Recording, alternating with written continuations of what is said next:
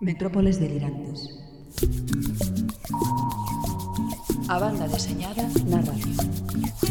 Serotonina, serotonina, serotonina, serotonina, se- serotonina. I love you. Quis custodiet Ipsos Custodes.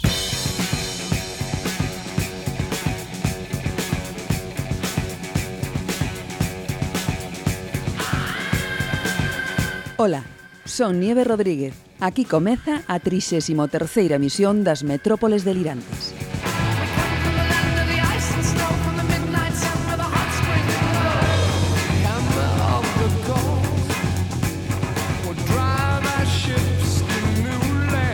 Sempre é unha boa nova que nazan editoras de BD e diso imos falar con Tirso Cons, un dos creadores de Tres Pintamonas, a nova editora que vende publicar o seu primeiro libro titulado Abastos. Quen vixía os vixiantes? Esta frase é o leitmotiv do libro do que o señor B fala no seu recuncho dos imprescindibles, a que probablemente é a obra máis coñecida do mago Alan Moore debuxada por Dave Gibbons, Watchmen. Watchmen. De seguro sabedes da nosa devoción por Fosfatina, a valente editorial que dende Vigo non para de poñer no mercado a innovadores autores de BD. Agora é a quenda de Roberta Vázquez e o seu Jabarti Party. Falamos con ela. E para rematar esta emisión, temos a Xaime Lís, o libreiro de voz suave que trae nos petos as novidades das editoriais dende a Libraría Cómic.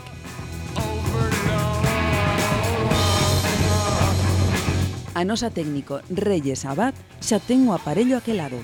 Partimos.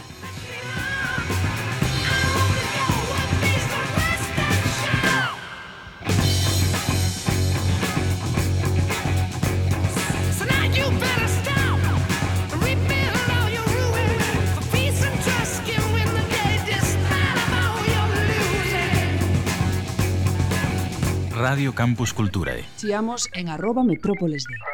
Como cada 15 días, nesta mesa recibimos o señor B, impertérrito como soamente él sabe estar.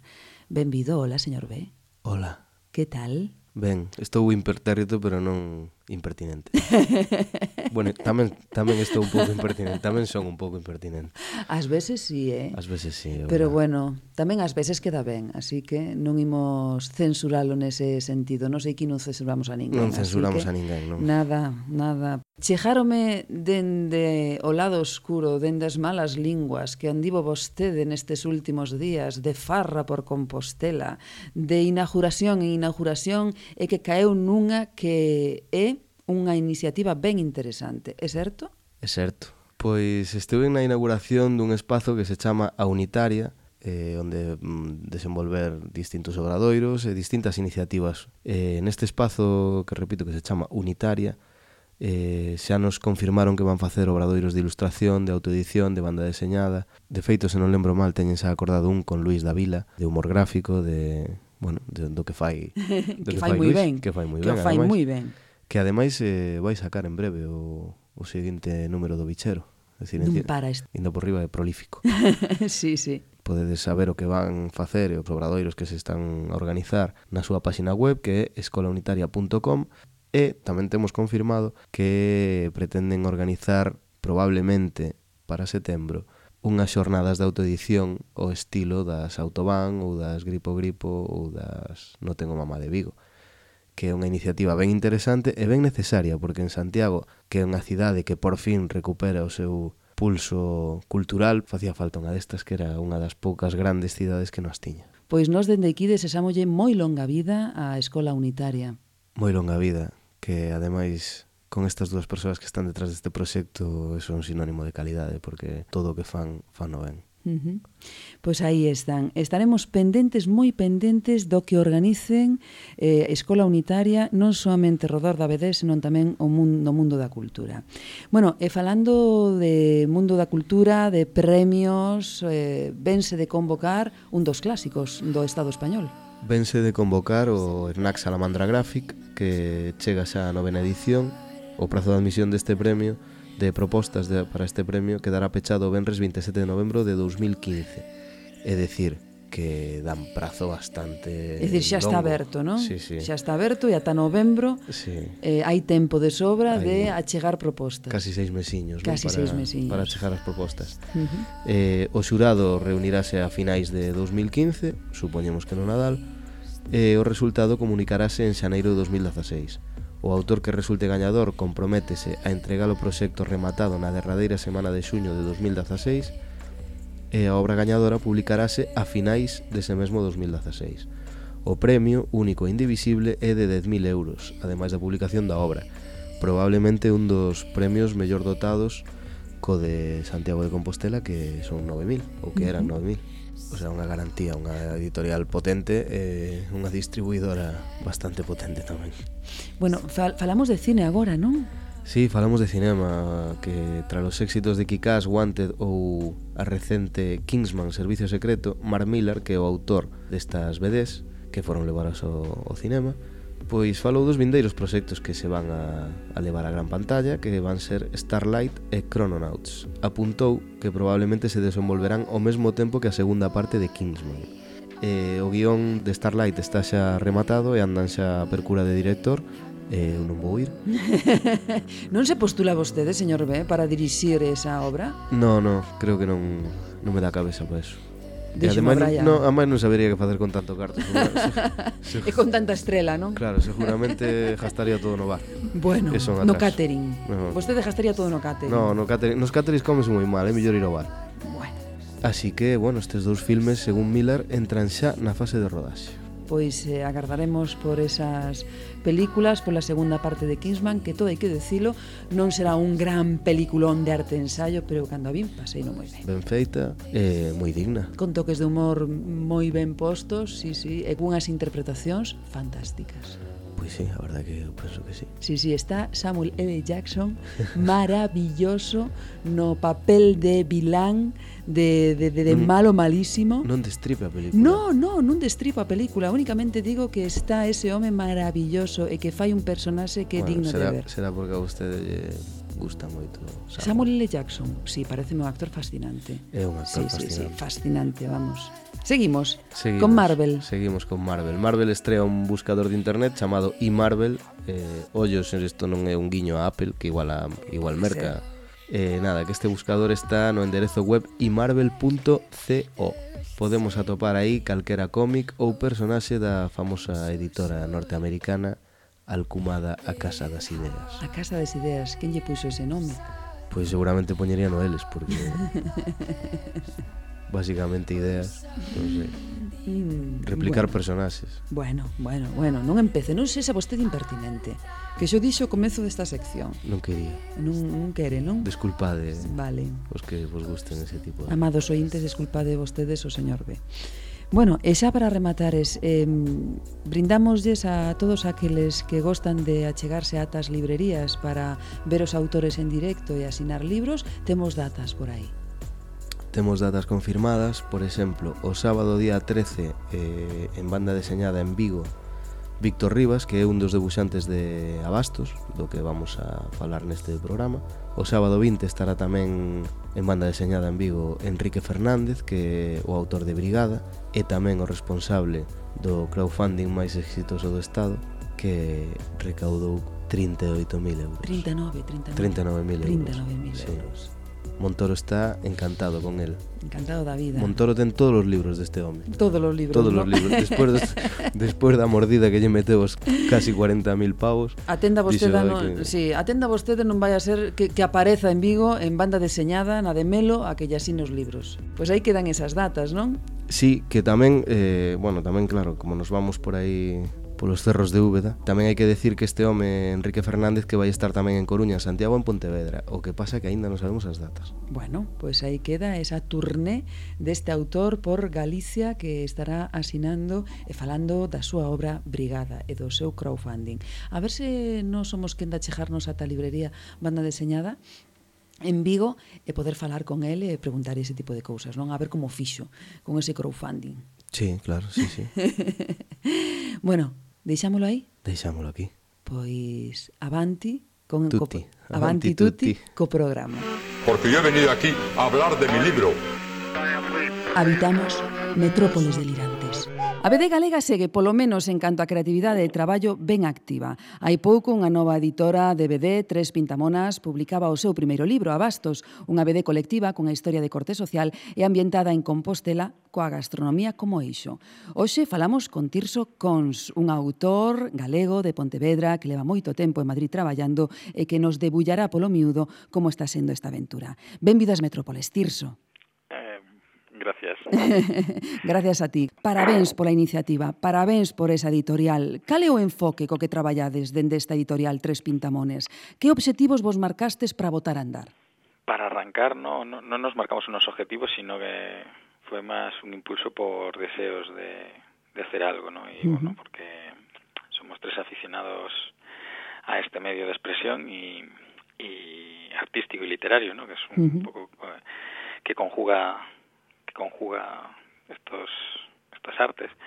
Y, y nos apetecía mm, de alguna manera mm, desarrollar nuestros nuestros propios proyectos no porque sí es verdad que en el mercado español pues es es difícil por porque aún no hay un, un hábito lector muy alto no hay unas Claro. ventas muy altas. Entonces es muy difícil producir producir productos. No estamos más acostumbrados a la redistribución de de lo que manufacturan otros, como sea el cómic de Japón o de Francia o de Estados Unidos. Pero bueno, siempre hubo siempre hubo iniciativas ¿no? de, de este tipo. Y, y nosotros queríamos intentar la nuestra con, con nuestro enfoque, con nuestros gustos. Y como justo estábamos comiendo, además unos, unos berberechos de, de ahí de la ría, y entonces dijimos, bueno, pues y así nació el, la, el primer proyecto que yo creo que fue el, el que el que dio a nacer a la propia editorial, no Eh, al revés. Abastos, bueno, foi publicada en galego e en castelán. Vai ser esta a vosa política editorial ou esta foi unha excepción debido ao contexto onde se desenvolve, desenvolve No, a historia que Compostela? Para nada, somos los, los tres los tres somos gallegos y, Ujú. y, y como tal y teniendo como como base que forma parte de nuestra cultura y de nuestro idioma y que creemos que hay un público para ello. Sí. Eh, en un principio, en un principio, el gallego y el castellano serán la base de todos los libros que desarrollemos. Pois é unha nova ben alegre para nós e sempre unha boa noticia que haxa unha editorial que aposte pola, pola lingua tamén. Sí, tendremos que ver un poco también no es que nos vaya a tirar para atrás, pero ver un poco cómo resulta para adaptar los formatos. Claro. Es decir, si no hay ventas suficientes en formato físico, que es algo muy caro de producir y que luego pues pues puede devolverse todo y, y no tienes una manera de recuperarlo, pues eh, apostar por formatos digitales o es decir y, y- de hecho es algo que también tenemos claro apostar desde el principio no hemos salido con una plataforma en la que tratamos por igual el, el digital como el formato físico. Si es verdad que nos vamos a un formato físico como consideramos que debe ser hoy por hoy, entendido que no es tan mm, no es tan de consumo eh, como como como fue y como nació incluso el propio medio del cómic, ¿no? Yo creo que hoy por hoy pasa un poco con, como con las películas o con, ¿no? Es tan fácil conseguir archivos digitales de, de casi cualquier producto que el que quiere tener el, el producto físico quiere algo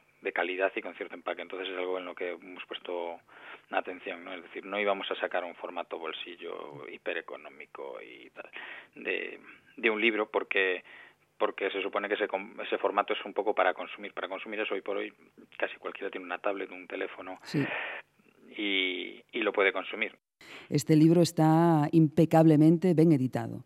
Temos que decirlo así. Así que estamos parabéns. contentos Sí, como ha sí, quedado. sí, sí. Suele, suele ser raro, ¿eh? además, sin tener tampoco una experiencia de haber sacado más libros ni tratar con muchas imprentas. La imprenta entendió muy bien el trabajo, lo realizó muy bien también. Trabajamos con una imprenta también de aquí. Eh, y la verdad es que a la primera que saliera también sin cambios de color, bueno, Sí, yo sí. como experiencia como autor eh, creo que, que he tenido que hacer el primero como no autor para ver que sale impreso como me lo imaginaba. todos los que todos los que he tenido como autor siempre ha habido algún fallo de impresión de que saliera más oscuro, más claro, los Claro. colores, no sé qué. Siempre. O sea, que con lo cual estoy bastante eh, contento. Bastante y- contento, Y satisfecho, sí. Bueno, Abastos é unha obra comprometida socialmente, reivindicativa e mesturada con exquisitas viandas. Tiña de lo claro esta maridaxe Pues sí, de hecho era el Sí. punto de el punto de partida, es decir, eh, la comida era, mm, como decía un poco, ¿no? El, el contexto, pero pero la nuestra preocupación o, o, digamos nuestro nuestro leitmotiv, ¿no? Para para para querer comunicar algo era la situación, una situación que pues que yo creo que hoy por hoy nos cabrea a todos los españoles Pois sí. aunque la historia mm, creo que no es tampoco una pataleta ni es mm, pesimista ni ninguna cosa, todo lo contrario, también quisimos quisimos mm, quisimos dar, aportar un poco de, de esperanza, ¿no? Porque al final y esperanza sobre las propias personas que son las que pululan en las plazas, en las calles, en nuestros vecinos, ¿no? Porque al final parece que vemos a los que manejan los hilos tan lejos que los únicos que, que parece que al final nos sirven de apoyo es la gente que tenemos alrededor Pois sí. y, y somos las personas. Bueno, no aspecto formal da obra, aínda que a historia é un todo continuo, a parte gráfica non. Contanos como se concebiu e quen son os seus autores.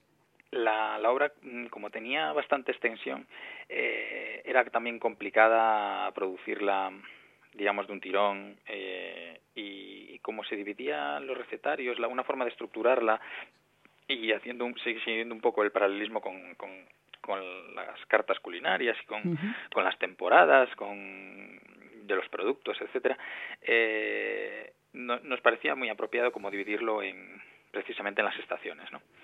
y, y jugar con ese paralelismo con la propia historia. Y, y entonces nos parecía también buena idea eh, el que cada que hubiera diferentes autores trabajando esas épocas, ¿no? Con un diseño de personajes común, es decir, para que hubiera una, una continuidad y pero que cada uno lo desarrollara con su propio lenguaje. Como agasallo da historia o receitario do pratos que saen ao longo do libro. Son receitas do propio Abastos 2.0, facilitadas por eles? Efectivamente. Bueno, como conocemos el restaurante de, de estar en la plaza y tal, y, y era un... Espérate. la mentalidad, ¿no? Un Sí. poco de, de- el concepto precisamente de, de, de estos chicos, del mercado, del producto, Sí. el, el producto y, De como tratan, como... y el trato por Sí. encima de, de... Pues por encima incluso de la, de la propia cocina, ¿no? Eh, nos gustaba porque cuadraba un poco con esto. Y luego pues nos pusieron facilidades a la hora de, de, bueno nos pareció un buen nexo común y tal.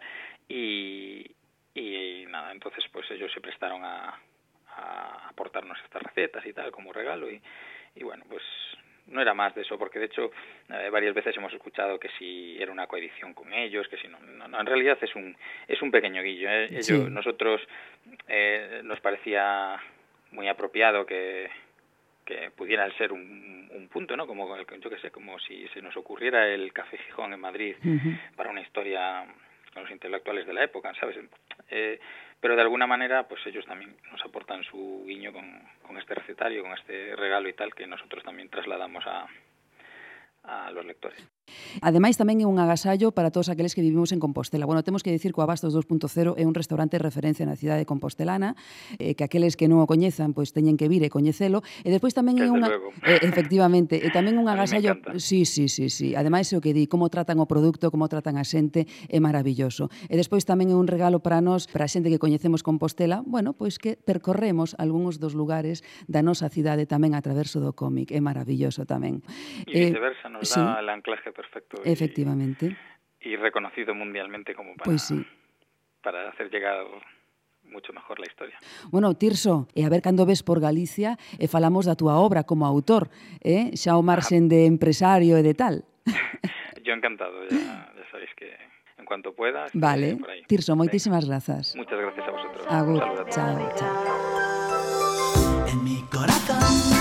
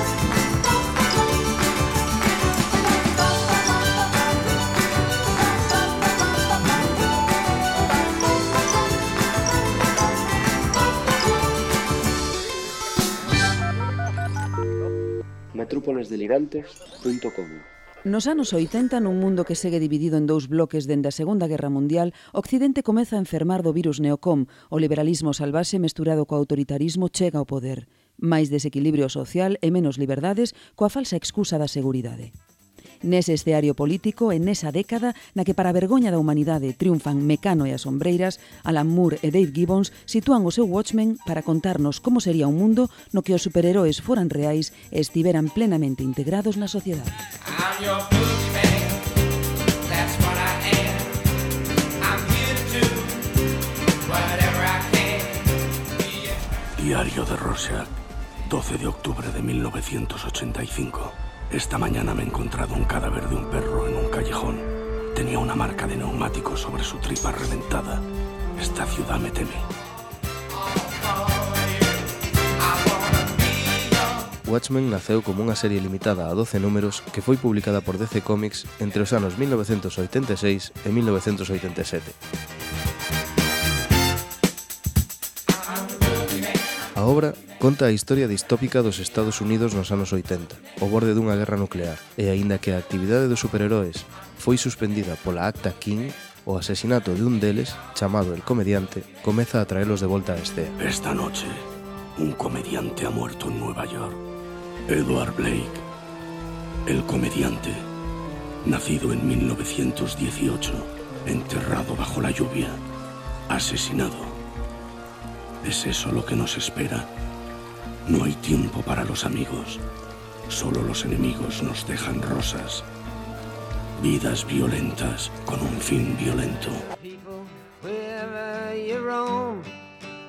O leitmotiv da obra é Quen vixía os vixiantes? Esta frase, do poeta clásico Xuvenal, repítese ao longo desta novela que xira en torno á responsabilidade, o poder e o destino do ser humano cando o fin parece inminente. Mientras yo me quedo quieto. Prefiero esta quietud. Estoy harto de la tierra, de las personas. Estoy harto de sentirme atrapado en la maraña que conforman de sus vidas. Writers. Watchmen revolucionou o xénero dos superheróis, o integralos completamente no mundo real. A soidade e a nostalgia son elementos que Moore engade nos seus personaxes.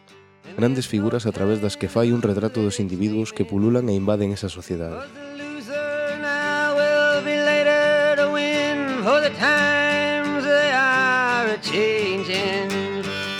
Os seus personaxes teñen carácter, defectos, vicios e poucas virtudes, non agardedes ver superheróis que salvan o mundo, alonxados da humanidade e da súa complexidade, e non agardedes ver tramas sinxelas. Mais o contrario, Moore presenta uns personaxes cheos de matices, disfuncionais e faltos de ética, que atopan a súa motivación en pulsións humanas, e non nunha responsabilidade innata coa sociedade. No, no! No hagas eso! Arréstame! No! No! A los hombres se les arresta a los perros se les mata.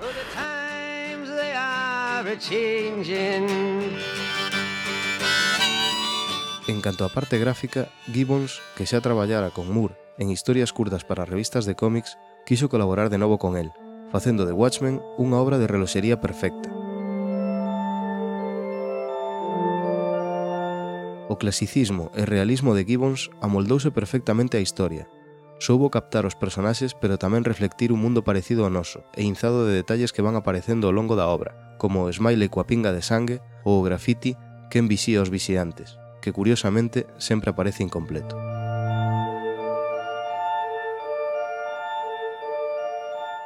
O talento de Moore permite gardar silencio cando lle interesa e deixar que Gibbons e o seu dibuxo ilustren e guíen o lector, aínda que de todos é sabido que os guións do escritor son altamente descriptivos e sofisticados.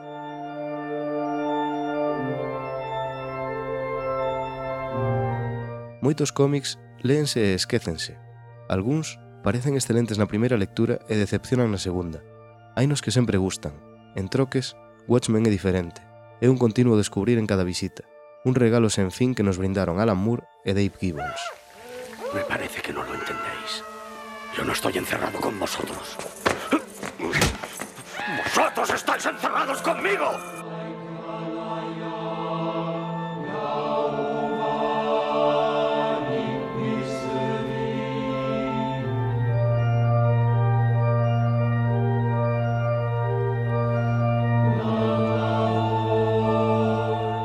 ¿Todavía no sabes lo que es la hora caníbal? Pues ya estás tardando. La hora caníbal puede escucharse en BFM, bfmradio.com, un programa excelso presentado por el inefable Borja Crespo, que soy yo.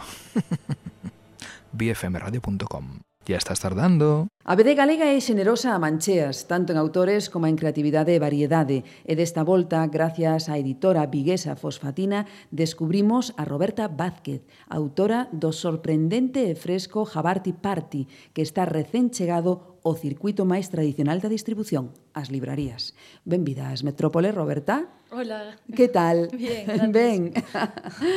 alégrome, alégrome. Bueno, vimos a falar dese traballo que, como dicíamos xa neste adianto pequeno que fixemos, é moi moi fresco, moi divertido, este Jabarti Party. Está ben pronunciado así? Sí, sí. Jabarti bien, Party, bien, sí, non? Bueno, Este é o traballo máis longo que, que publicaches a todo agora, non? Sí. sí. Aí antes de chegar aquí, fanzines, autoedición, traballos para a revista como Mongolia ou Vais. Como levas o salto a esta parte máis mainstream da BD? Así cunha obra máis longa, cunha editorial detrás...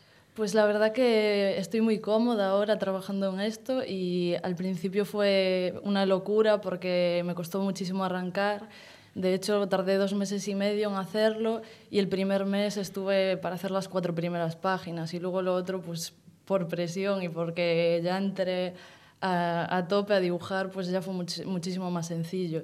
Y ahora la verdad que cogí mucho ritmo dibujando y ya me siento mucho más cómoda. Bueno, Rubén no te habrá metido mucha presión, ¿no?, de fosfatina. No, no, se portó muy bien. ¿Sí?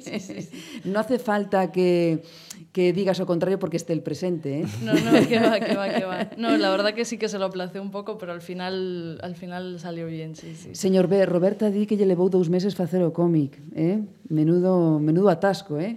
Sí, sí, Xente humilde, non? Xente humilde, non? e hai outros que lle leva sete anos. Efectivamente, entón non creo que fose así o sea, tan lento, tan bueno, lento, esos non? cómics estarán mejor hechos, supongo. bueno, non imos a entrar niso, non? Pero tampouco creo que sesa, que sesa así. Bueno, eh, Jabarti ten como protagonistas a Bob e os seus colegas, personaxes que recuperas dun proxecto personal, non? Sí, sí. Dun fanzine autoditado que se chama Bob e sus amigos. Sí. Vai ter continuidade esta saga, eh, este universo que creas ao redor deste destes personaxes? Sí, en realidad todos los cómics que estoy haciendo lo relaciono con eso de una manera o de otra. Hay veces que es más obvio, otras que no, pero en realidad todo empezó porque vi que el personaje de Bob, que es el conejo, estaba presente siempre de alguna manera o de otra. Entonces dije, bueno, pues que este sea el, que, el nexo entre todos ellos.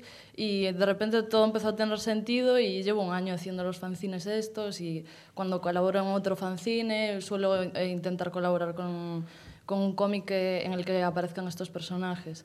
Así que en ello estoy. Y cuando me propusieron hacer el cómic, pues dije, bueno, que esté en la sombra, pero que esté ahí también. Di que te sinteste moi cómoda, non? Sí, sí, porque es ya como, como también están bastante inspirados en gente que conozco y en mí Ah. misma es como ya que son colegas también.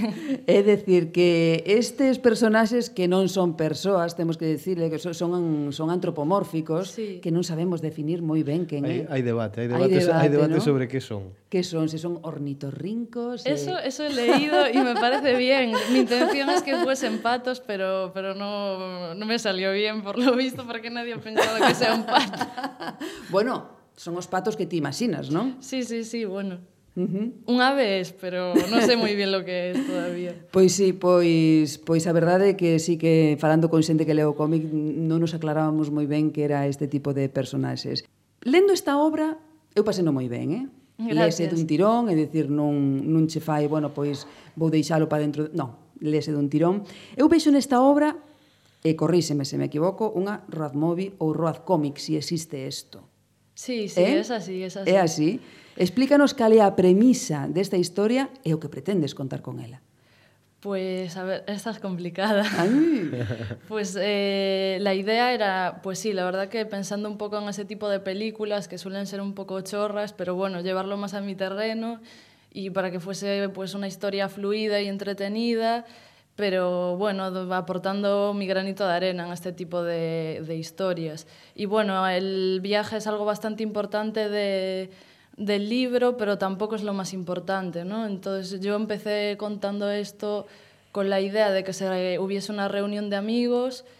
La hay, pero la verdad que hubo un cambio de narración bastante brusco ahí según lo fui haciendo y ahora pues, ¿qué quieres que te diga? No sé, están los siete capítulos y al principio es eso, un poco presentando a los protagonistas, después pues al el reencuentro entre ellos y luego ver un poco cómo se lo pasa cada uno en ese reencuentro. Básicamente era eso, quería me gustaría haberlo alargado 100 páginas más, pero pero bueno, para lo que nos dio el tiempo y el espacio también. Bueno, xa haberá máis oportunidades, non? Un poquinho máis pa diante se siguen as aventuras de, Sí, sí, sí. de Bob e os seus e os seus amigos, non? É dicir, o cómic empeza con Jabarti que quere relanzar a súa carreira musical, Sí, non? sí, que esto también es importante y no Sí. te lo estoy diciendo. que sí, él se dedica a la música, es cantautor, eh, cree que es estupendo tocando la guitarra y cantando, pero en realidad es un auténtico perdedor. Y sus amigos no se atreven a decírselo y llegan hasta el punto de, bueno, no voy a desvelarlo, pero bueno, parece que le dan bastante cancha en esto y hasta el punto de que contacta con él una discográfica y allá van de viaje a, que, o sea, de viaje a reunirse con el director de la discográfica y de paso es justamente en el sitio donde ellos estudiaron, así que ahí están y van a reunirse con sus amigos y eso. Y bueno, un poco así. Bueno, eh, parece que ás veces, eu cando lin o, e vin os debuxos e tal, parece que ás veces como que pedía máis caña as situacións que viven os protagonistas, non? Fixeches un exercicio de autocontrol á hora de crear a historia para non levar a estes personaxes que se prestan a iso, por outro lado, a situacións máis extremas, escatolóxicas ou delirantes.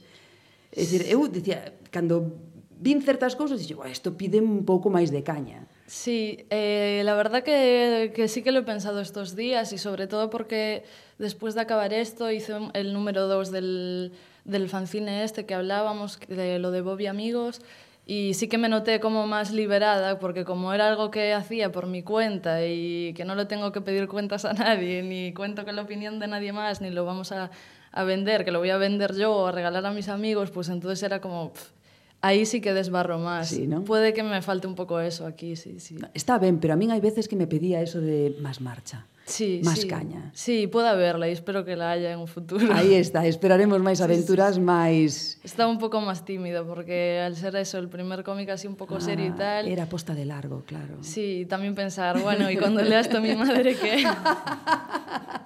que pensa túa nai xa o fío desto? Bueno, de todo o ma- que faz. Mi madre me apoya mucho, pero tampoco se entera mucho, yo creo, porque lo lee y a lo mejor me dice, ¿por qué, qué es esto de que están fumados todo el día? Y ¿Es autobiográfico? No te preocupes. Intento decirle que no, pero a veces lo es, y sí, ella ya lo sabe. Bueno, nesta historia en Jabarti Party, ademais da historia principal que ti explicabas ou que adiantábamos un pouco para que a xente tamén se faga a idea de que vai o cómic, destes amigos, nesa viaxe hacia un lugar onde foron felices noutros tempos, ten outras capas de lectura e isto é moi interesante neste cómic. Ten un final aberto, unha historia circular, A vida é un círculo vicioso onde sempre rematas por facer o mesmo? Yo creo que sí. ¿Sí? Yo creo que sí. Y es, hay que intentar salir de eso, pero a veces es complicado. Así Esa é que... unha das lecturas que se pode sacar de aquí. ¿no? Yo non lo hice conscientemente, pero sí que es algo que me preocupa y supongo que lo he reflejado sin querer en esto. Así que sí, sí, sí. O final sae todo, non? Para arriba, non? Inda que non queiras, non? Sí, sí, yo estaba haciendo una broma, pero sí que hai muchas cosas mías aquí que ni me daba cuenta. Así que ya ves. E agora cando te das conta, que pensas? Bueno, estoy, eh, mejoraría y cambiaría mil cosas, pero estoy bastante contenta con el resultado. Uh -huh. No sé. E en canto a parte gráfica, O debuxo eh, poderíamos definilo como ausente de artificios, sen grandilocuencias, non?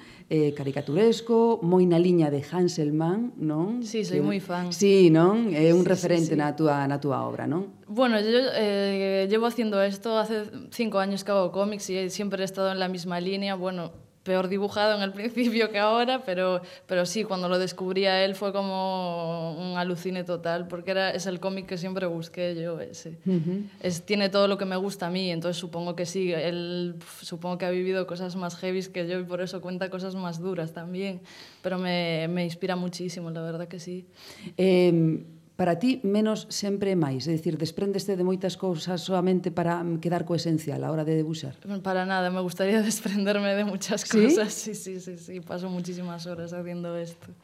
Eh, o que, este, o que te estou dicindo, non me malinterpretes, eh? non no, te estou no, dicindo no, no. que o debuxo sexa sinxelo, pero um, falábamos o señor B. Maiseu, non o lero o cómic, non? Que moitas veces non fai falta tanto artificio, tanto barroquismo ao redor dun debuxo para eh, plasmar ou facer chegar a xente o que realmente queres decir, non? Sí. O contrario, moitas veces é máis difícil, non? Claro, claro, si sí, es lo que te digo, a mí me encantaría hacer eso, pero hai veces que me dejo llevar e hago cosas demás que me complican la vida máis de que facilitarme. E sin embargo, a nos danos a sensación contraria, non? Que un sí, debuxo moi fresco. Sí, a mí parece moi fresco, moi moi liviano, moi fácil de, de, de, de levar todo, sí. todo o libro, non? É non o vexo nada recargado, ah, está pues moi ben, a mí, a mí pareceme que está sí. que é moi dinámico, o sea, non, non, non, eu non lle quitaría nada, pero tampouco lle poría nada máis. Nos decíamos, a que nos lembra isto? Bueno, a Hanselman, mm, por suposto, eh, e, a, e a Spiegelman, Soy máis de Cram, eu. Eh, Cram. E eh, tamén a Cram. Tiñámolo aquí apuntado, Cram. E eh, tamén a Spiegelman. Dice, ten así un, un aire, no ¿no? soy moi lectora yo de él, eh? La verdad que no, no controlo mucho su obra, más que Maus y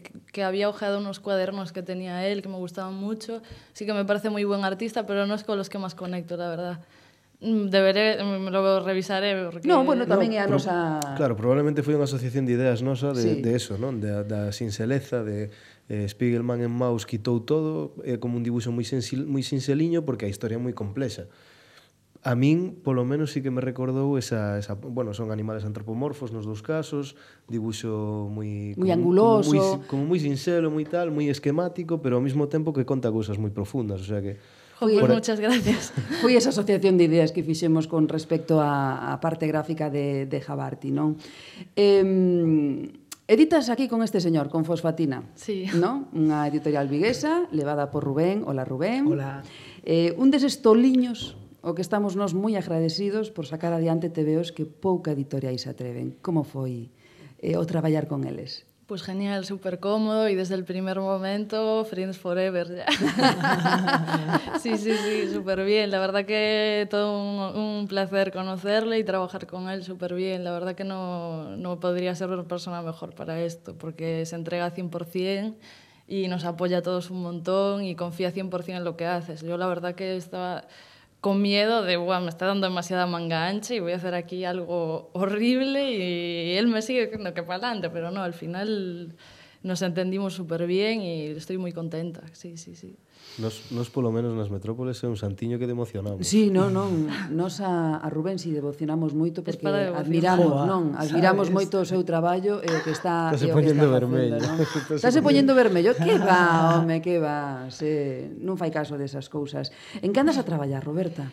Pues ahora mismo eh, estoy haciendo varias cosillas que, bueno, ya iré publicando y sobre todo estoy haciendo tiras para enviar a varios sitios a ver en qué queda eso, pero bueno, hasta ahí puedo leer. Y luego por mi cuenta sigo haciendo muchos cómics para fanzines y para seguir con mi proyecto y eso y actualizando el blog todo lo que pueda y enviar mis portfolios a todas partes, en eso ando. Se segues publicando obras así tan, bueno, grandes de máis extensión cos fanzines ou obras autoeditadas, vas deixar de lado o mundo do fanzine, porque moita xente despois cando se mete por, por estes derroteiros como que non teñen tempo para outra cousa. Espero que non sea así e si es así, que sea porque me autoedito yo un libro que no sea como un fanzine, pero, pero que sí, que sí, eso es que es lo que te decía antes, siempre te aporta eh, una libertad que, que no te la puede dar nadie. Por mucha libertad que me dé Rubén, ya a mí me condiciona un poco, ¿sabes? El hecho de "Eh, esta persona cuenta conmigo, prefiero dejar estas barrabasadas para algo que yo imprima en una copistería, ¿sabes? Sí, sí, sí, sí. Sempre, sempre chegamos a pensar esas cousas. Bueno, Rubén, Que tal? que tal? Moi bien. Non, le, non levas ou non levades ningún ano con fosfatina e hai que ver o traballo que estades facendo, eh?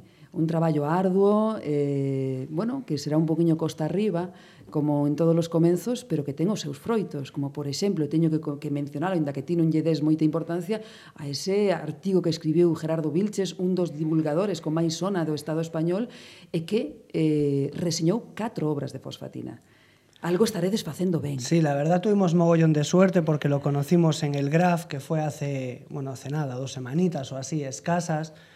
La verdad, nos pareció un tío súper encantador, ¿sabes? Era como que ya tenía mucho control sobre lo que estábamos haciendo. Y nada, la verdad cuando vimos la, la entrada, pues nos emocionamos mucho. Además, el texto nos parece bellísimo. Es que tampoco en ese momento nos lo paramos a pensar demasiado. Es lo que te decía un poco antes. Al final del día te come y estás pensando muchísimo tiempo en lo que te viene, ¿sabes? Intentando cerrar todos esos cabos sueltos que te van quedando lo de atrás. Y no puedes parar y no, la verdad es que tampoco hemos visto más allá, ¿sabes? Que, que la ilusión que nos, que nos produjo el hecho de que Gerardo pues, reseñase de esa manera nuestros trabajos. O sea, Tamén Octavio Beares, que Sí. outros... Hombre, con Octavio tenemos mucha relación, él es de Vigo, lo, lo vemos a menudo, Pf, nos apoya mogollón y siempre nos ayuda en todo lo que puede. Y, y bueno, esta última reseña de Jabarti Party, la verdad es que es un pepinazo.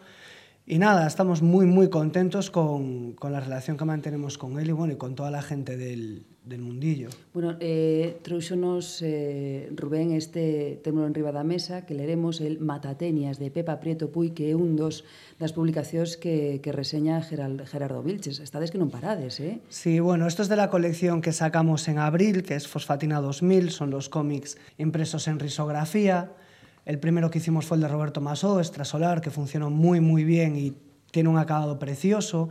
Y bueno, hemos ido continuando con la lista de autores que, que tenemos preparada y el siguiente es este, el Matatenias de Pepa Prieto Puy. Yo conocí el trabajo de Pepa en la presentación que hicimos de Perlas del Infierno en combustión espontánea y ella traía un fanzine también impreso en risografía y eran las primeras aventuras de Yesenia y nos pareció increíble. Teníamos muy claro que queríamos hacer algo con ella y esta colección nos dio la oportunidad para hacer un primer acercamiento. La verdad el cómic es muy muy bello y el contenido es una pasada, así que recomiendo a todo el mundo que por lo menos le eche un ojo. Bueno, pois eh, nos eh, tamén o recomendamos dende aquí.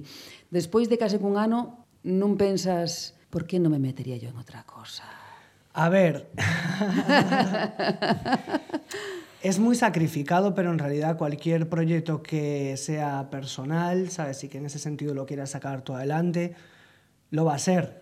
O sea que no caben ya excusas de, oh, qué duro es esto, ¿sabes? Es duro, sabíamos todos que iba a ser duro y, y la verdad es que a pesar de lo duro que es y lo sacrificado que es, la respuesta de la gente, ¿sabes? Y cómo van discurriendo los acontecimientos te motiva muchísimo para continuar. Y creo que tenemos cuerda para un rato, a ver, a ver hasta dónde aguantamos. Longa vida, lobo. Hombre, eso Hombre, espero. claro que sí. Bueno, pois, Roberta, moitísimas grazas.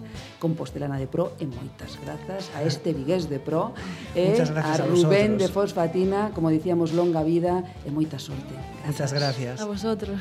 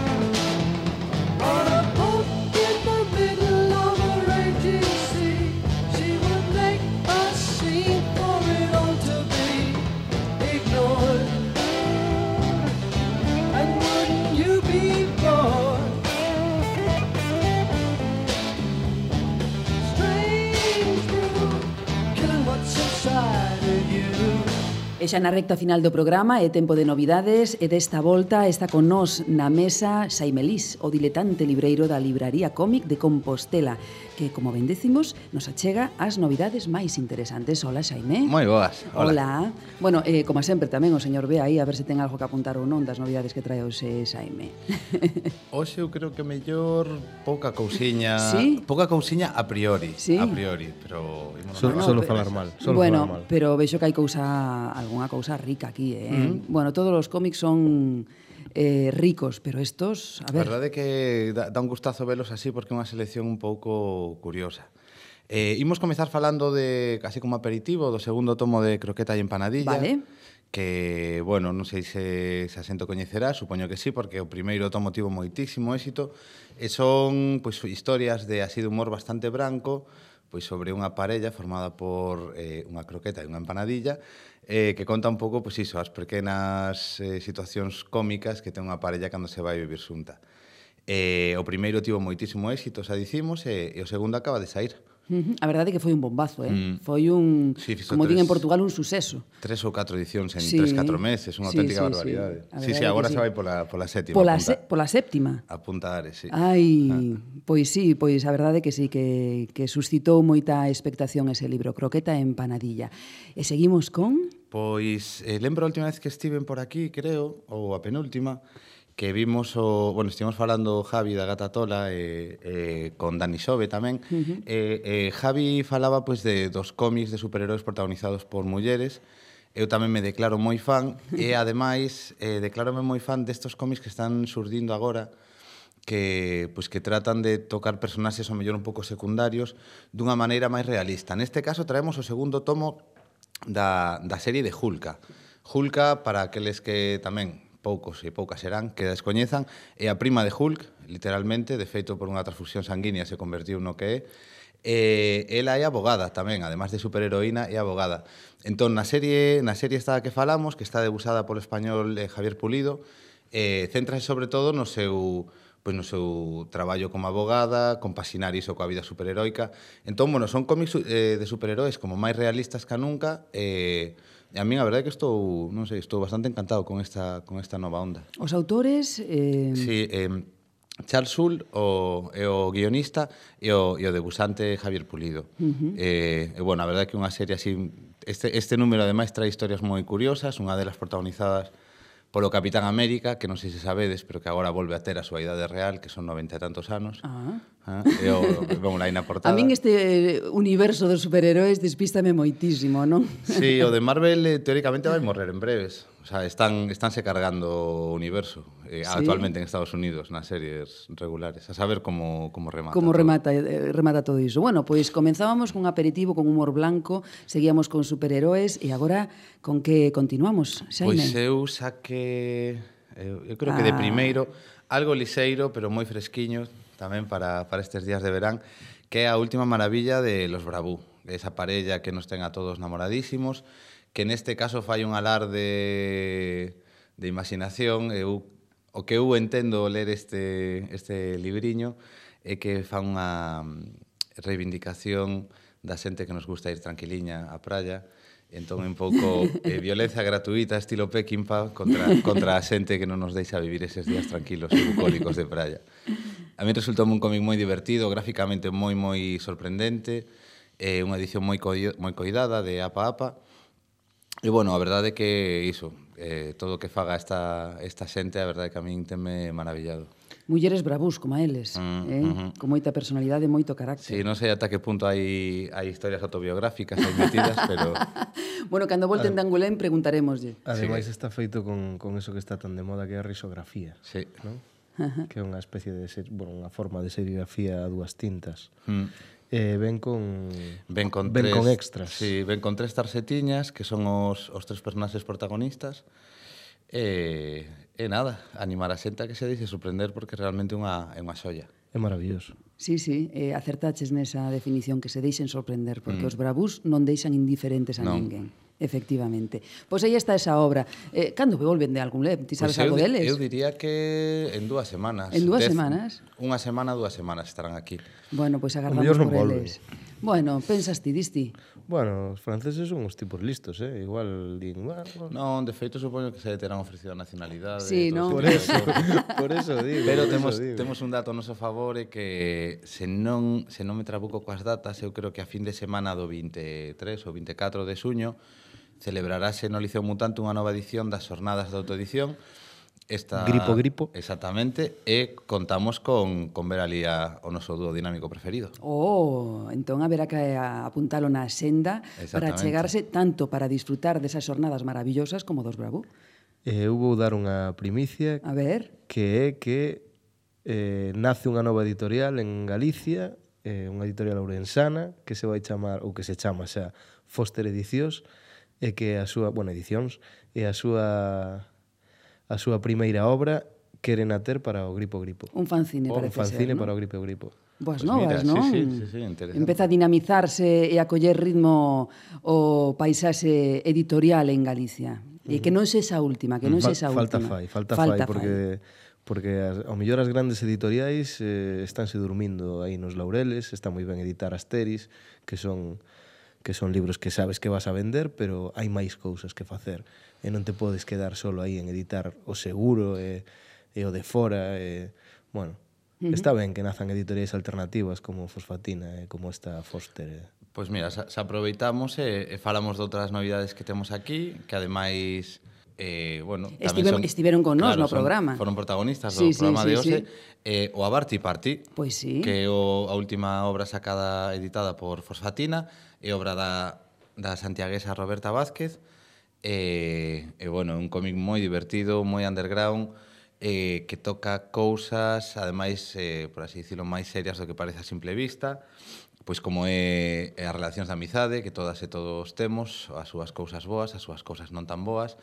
E logo tamén, pois, bueno, está protagonizado por unha serie de, de entrañables animais antropomórficos sí. que, que parece que queren seguir vivindo na mocidade eternamente, como creo que ya acontece a, a casi todo o mundo, ¿no? mundo.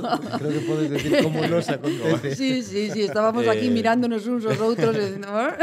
sí. E bueno, a verdade que é un, é un TVO que se lee, se lee moi ben. Sí. Eh, E bueno, a sensación que che queda despois de lelo é que tes ganas de, de coñecer máis. Estos personaxes veñen de, dun fanzine autoeditado por ela, uh -huh. que se chama Bob e Amigos, e, e bueno, e iso, agardamos pois seguir vendo cousa, cousas de Roberta no futuro. Sí, sí. Pois a verdade que sí, que se lee estupendamente e que, como ben decía Xaime, ten varias capas de lectura. Uh -huh. Non hai que quedarse somente nesa historia principal, senón afondar un pouquiño máis. Jabarti, parti. A min sorprendeume a recensión que fan na página web de cómic que pon os personaxes antropomórficos, ornitorrincos, interrogacións. sí, sí, porque porque é algo aí como moi indefinido. De, de, fe, de feito, ¿no? fíxome gracia, pero o ínclito Octavio Beares, tamén no seu blog de cómics, empregou unha solución semellante, sí, semellante. aos ornitorrincos. Plan, eh, por se si acaso son o mellor son parrulos co, sí, coa cola sí. grande. Bueno, eu cando lín o cómic dixen, eh, isto que é? isto, non? E bueno, dices tú, bueno, podes topar unha semellanza así os ornitorrincos, pero queda aí, eh? pode ser ou non pode. Eu para, ser. para que se xa, as ointes, os ointes se fan unha idea clara, sería un pouco eh, como unha versión de dos debuxos da Warner Bros, pero a través do prisma de Simon Hasselman sí, ou algo sí. así. Eh, E todo con sí. moita festa polo medio. Sí, bueno, ela xa recoñeceu non que ten unha influencia grande de deste de autor, no de Hasselman, así que bueno, e por último, Bueno, e por último, e ademais temos aquí a un dos primeiros lectores que houve nesta cidade, senón o primeiro case, non, eu diría que o segundo ou terceiro mellor, eh, do que sería o derradeiro tomo de, da última triloxía, bueno, da última obra de Charles Barnes. Eh, titúlase Cráneo de Azúcar e ven a pechar pois eh, esa tríada que iniciou con Tóxico que logo continuou con La Colmena e bueno, estamos ante, para min é un dos, un dos cómics do ano con, con claridade o, o debuso impresionante de sí. Barnes se volve se volve ademais tremendamente feísta, é un, un dos, dos seus rasgos tamén, por momentos cando sobre todo nas escenas, o sea, a ver, é que é un pouco complicado de explicar, todo hai que dicilo.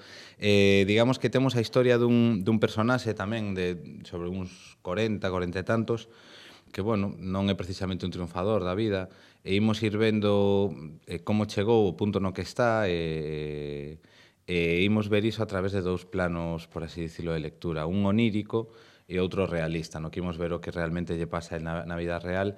E iso mesturado pois, con, pois, con, con, todo un, con toda unha trama ficticia protagonizada por un alter ego del, que o seu, ao mesmo tempo é como unha especie de trasunto de Tintín, porque todo hai que dicilo, na, na obra esta Charles fai moitas homenaxes, desacougantes homenaxes, eh, turbadoras homenaxes á, á obra de Ergué, E a verdade é que o primeiro o primeiro tomo da triloxía de, resultaba desconcertante, o segundo eh, un pouquiño máis turbio incluso, este terceiro creo que aclara e ata, e ata moitas das preguntas, a dar resposta a moitas das preguntas que nos fixo nos dos tomos anteriores. Eh, bueno, para, para xente que, que coñece este autor, que, que ten obras mestres como Agujero Negro, pois esta obra eu creo que tamén lles vai, lles vai encantar. Señor Bea, vostede ten boa pinta eh, teme boa pinta, eh, é un autor moi interesante, unha edición moi ben feita, con un color así como moi vivo, ¿no? moi, uh -huh. moi bonito, uh -huh. moi estéticamente moi bonito. E o debuxo é moi, moi, moi bonito, como moi clásico, pero ao mesmo tempo moi vanguardista. Non? A min recordame un pouco esos, esos debuxos dos cómics pulp, pero ao mesmo tempo é como, como moi moderno, é unha cousa é tamén difícil de explicar, hai que verlo, pero sí, teme moi boa pinta, evidentemente, sí. Bueno, pois esta é a oferta que nos trae Saime Lís dende a Libraría Cómic esta semana eh, nesta sección de novidades. Saime, moitísimas gracias. Moitísimas gracias por estar a vos. con nós. Son a cousiña Dígame. das cinco obras que trouxemos, a metade das súas autoras son mulleres e a metade dos seus autores son homes. Pois moi ben, aí está ese equilibrio perfecto hoxe en riba da mesa das metrópoles delirantes. E nós que te agradecemos moitísimo, vos, de verdade que sí. Me echaron droga delirante en el Colacao. Con vento forte de levante, como decía aquel ministro, chegamos a Porto. Nesta emisión falamos con Tirso Cons da editora Tres Pintamonas, un proxecto que xa comezou a camiñar e o que lle desexamos que sexa por moitos anos. O señor B escribiu con letra delicada na súa lista de imprescindibles o Watchmen, unha obra que revolucionou revolucionou o xénero de superheróis e que aínda hoxe segue provocando grandes debates e sesudas críticas pola súa complexidade e múltiples interpretacións. Roberta Vázquez achegouse ata as metrópoles para contarnos cousas do seu Abarti Party, unha festa para os sentidos e unha nova autora que sumar a maravillosa selección galega. E Xaime Lís veu no final do programa para traernos as novidades editoriais. Podedes falar con nos no Twitter en arroba metrópolesd. Contádenos cousas, opinades se queredes, e tamén nos atoparedes en metrópolesdelirantes.com. E lembrade, le de banda deseñada, que non todo vai ser organizar soviets e amenazar a sacrosanta oligarquía occidental. Metrópoles delirantes. A banda deseñada na radio. Déjame que descanse un rato al sol. Déjame vivir con pescado bastante para hoy, mañana será otro día. No faltará un caracol. Yo no cambio toneladas por mi limón. Yo no cambio salmón por mi salmonete. Vete la rolifles en un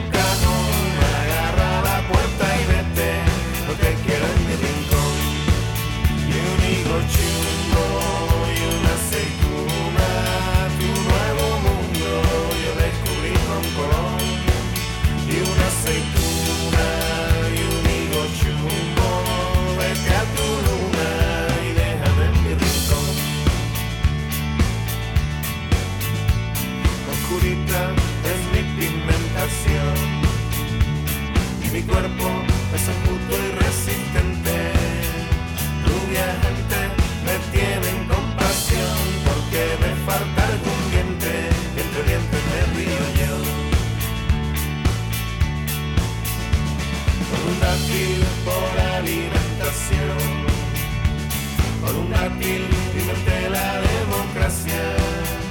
Con un dátil yo te gano